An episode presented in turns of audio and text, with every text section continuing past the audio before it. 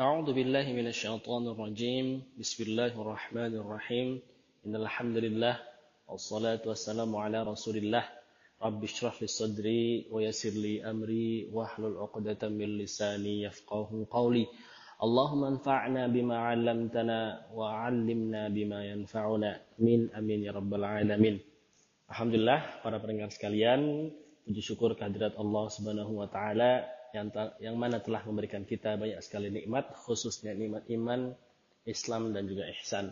Kemudian salawat dan salam haruslah senantiasa kita haturkan kepada Allah Subhanahu wa taala agar senantiasa tercurah kepada baginda Nabi Muhammad sallallahu alaihi wasallam yang mana dengan usaha beliaulah hari ini kita dapat merasakan indahnya Islam. Baik, para pendengar sekalian, insya Allah pada kesempatan yang berbahagia ini, kita akan kembali belajar tafsir dan juga tadabur yang pada kesempatan kali ini akan masuk kepada surat Al-Fil. Atau kita menyebutnya sebagai surah gajah, fil, gajah. ya. Jadi surat Al-Fil ini adalah surat makiyah yang mana turun atau diwahyukan oleh Allah Subhanahu wa taala dalam periode dakwah Nabi Muhammad SAW di Mekah. Saat itu ada segerombolan orang yang bertanya kepada Nabi Muhammad SAW tentang Amul Fil, tahun gajah, yaitu tahun di mana uh, pasukan bergajah menyerang Ka'bah. Ini juga menjadi salah satu bukti bahwa Nabi Muhammad SAW adalah benar-benar utusan Allah. Surat ini terdiri dari lima ayat, hanya lima ayat, dan surat ini juga masih memiliki ikatan dengan surat sebelumnya minggu lalu yang sudah kita bahas yaitu surat Quraisy karena dia uh, kisahnya sangat-sangat dekat ya. Alasan mengapa suku Quraisy itu dipilih oleh Allah dan lain sebagainya salah satunya adalah karena sebagai penjaga Ka'bah. A'udzu billahi minasyaitonir rajim. Bismillahirrahmanirrahim. Alam tara kaifa fa'ala rabbuka bi ashabil fil? Alam yaj'al kaidahum fi tadlil?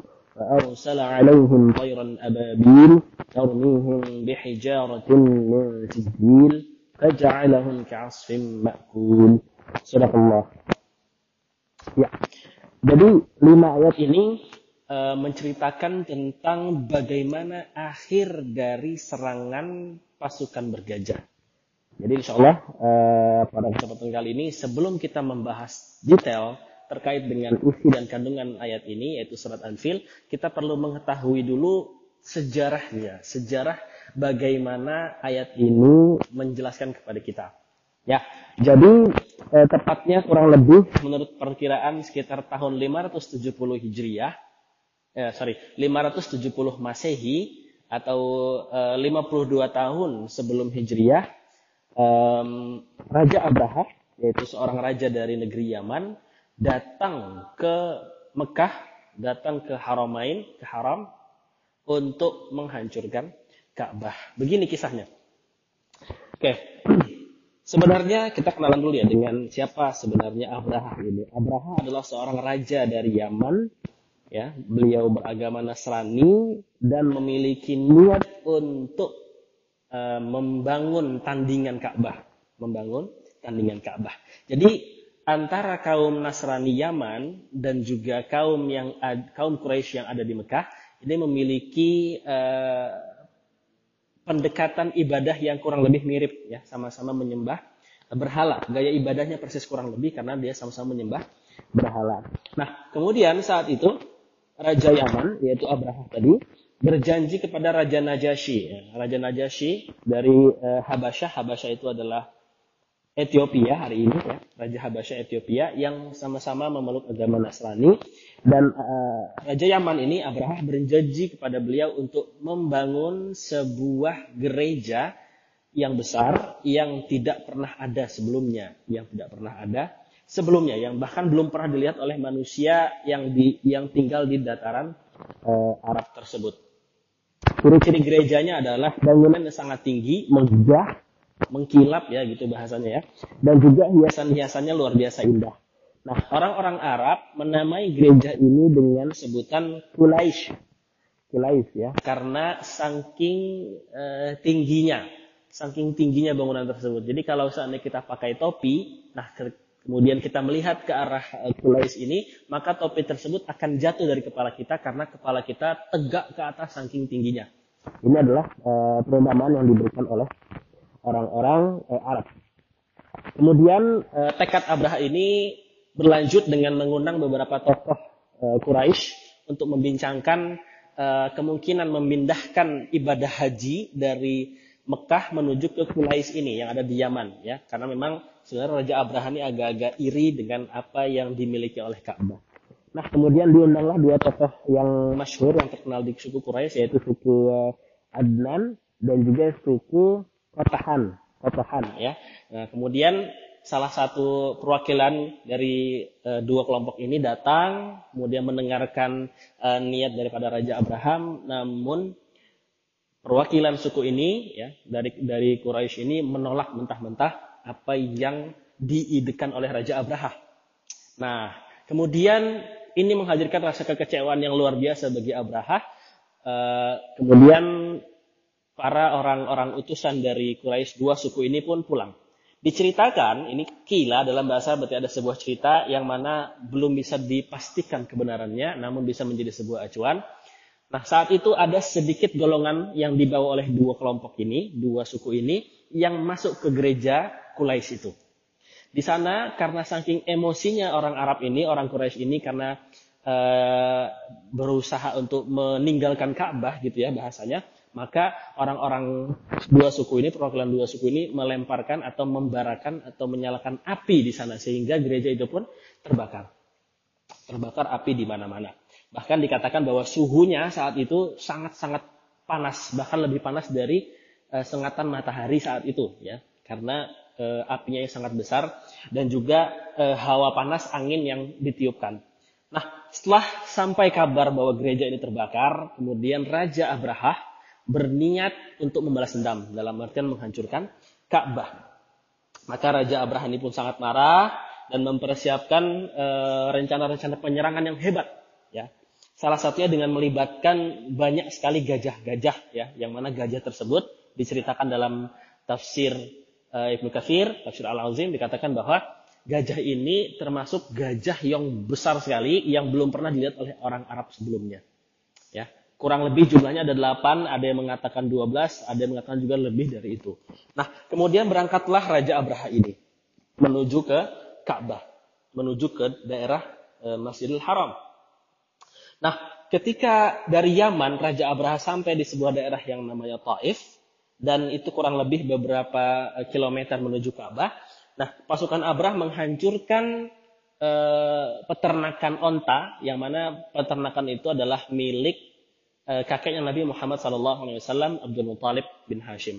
Nah, kemudian sumurnya dihancurkan, ontanya disita dan lain sebagainya. Kemudian Abraha mengutus seseorang untuk datang ke Mekah. Ya, sekali lagi ada usaha ya, meskipun gerejanya sudah uh, dikatakan sudah dibakar gitu ya, meskipun ini masih belum bisa dipertanggungjawabkan. Abraha mengutus seseorang uh, agar mengundang lagi satu orang dari kalangan suku Quraisy. Ya, yang saat itu uh, pemukanya yang ditunjuk adalah dari Bani Hashim.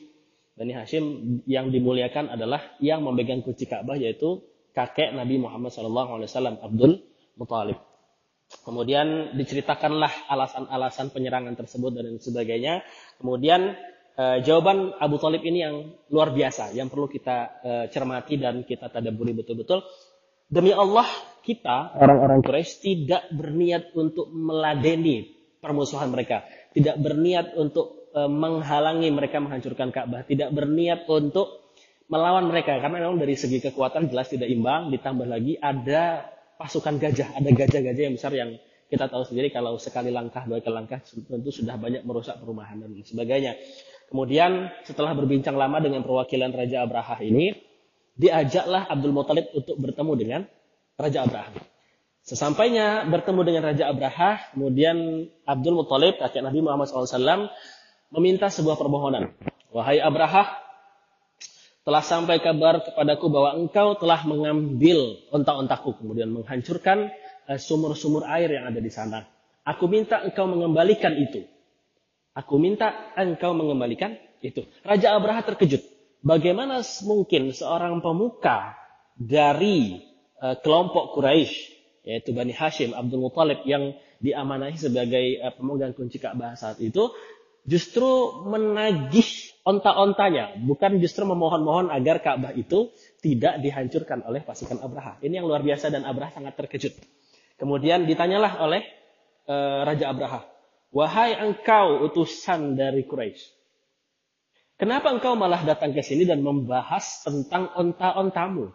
Mengapa engkau tidak membahas tentang Ka'bahmu yang sebentar lagi akan kami serang? Akan kami datangi dan kami hancurkan?" Kemudian Abdul Muthalib menjawab, Wahai Tuan Raja, sebenarnya aku adalah Rob. Rob ini kan kita bisa mengartikan Tuhan ya. Tapi dalam literatur Arab itu sebagai uh, pemilik, pengatur, uh, dan lain sebagainya maknanya ya. Bahwa kemudian Abdul Muthalib menjawab, Wahai Tuan Raja, aku adalah Rob, pemilik dari unta-untaku. Maka aku ingin mengambil kembali apa yang menjadi milikku.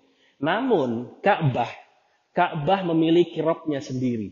Memiliki robnya sendiri. Dan aku bukanlah rob Ka'bah. Maka engkau mintalah kepada yang memiliki Ka'bah. Dan aku tidak memiliki kewajiban untuk uh, menyerahkan Ka'bah karena Ka'bah bukan milikku. Maka dia sendirilah nanti ada sosok yang akan menjaga Ka'bah karena ya Ka'bah itu ada yang menjaga gitu kan dari para malaikat dan Allah dan sebagainya. Kemudian Abraha ini pun mengembalikan seluruh onta-onta Abdul Muthalib dan Abdul Muthalib pun kembali ke Mekah. Kembali ke Mekah dengan senang karena sudah um, mendapatkan unta-untanya yang direbut. Sekitar kurang lebih ada yang mengatakan 100, ada yang mengatakan 200.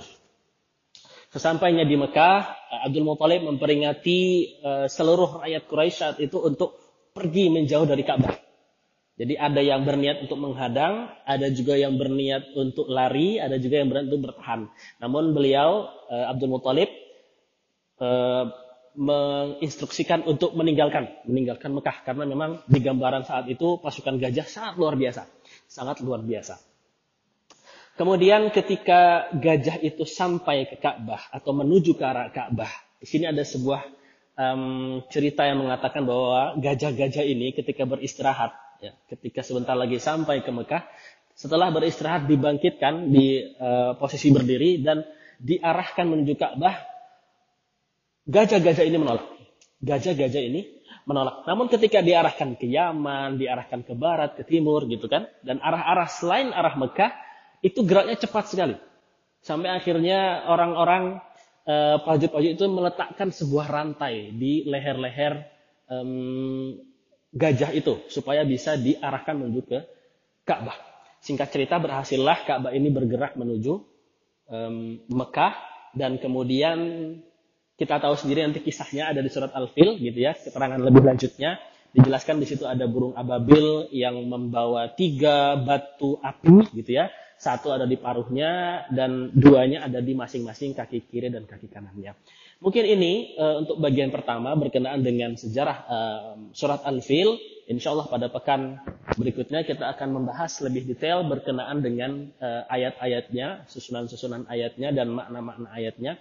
Karena penting sekali kita membahas tentang sejarahnya terlebih dahulu sebab ini ada kaitannya dengan Nabi Muhammad SAW, kelahirannya, kisah-kisah yang luar biasanya.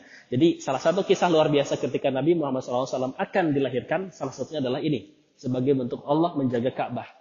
Yang kedua, yang sering kita dengar, eh, api majusi yang ada di tanah uh, Syam itu mati, kemudian patung-patung berhala runtuh dan lain sebagainya, ada petir dan lain sebagainya, itu menjadi salah satu bukti ada nabi terakhir yang diutus. Tapi insya Allah tidak akan kita bahas sampai sana.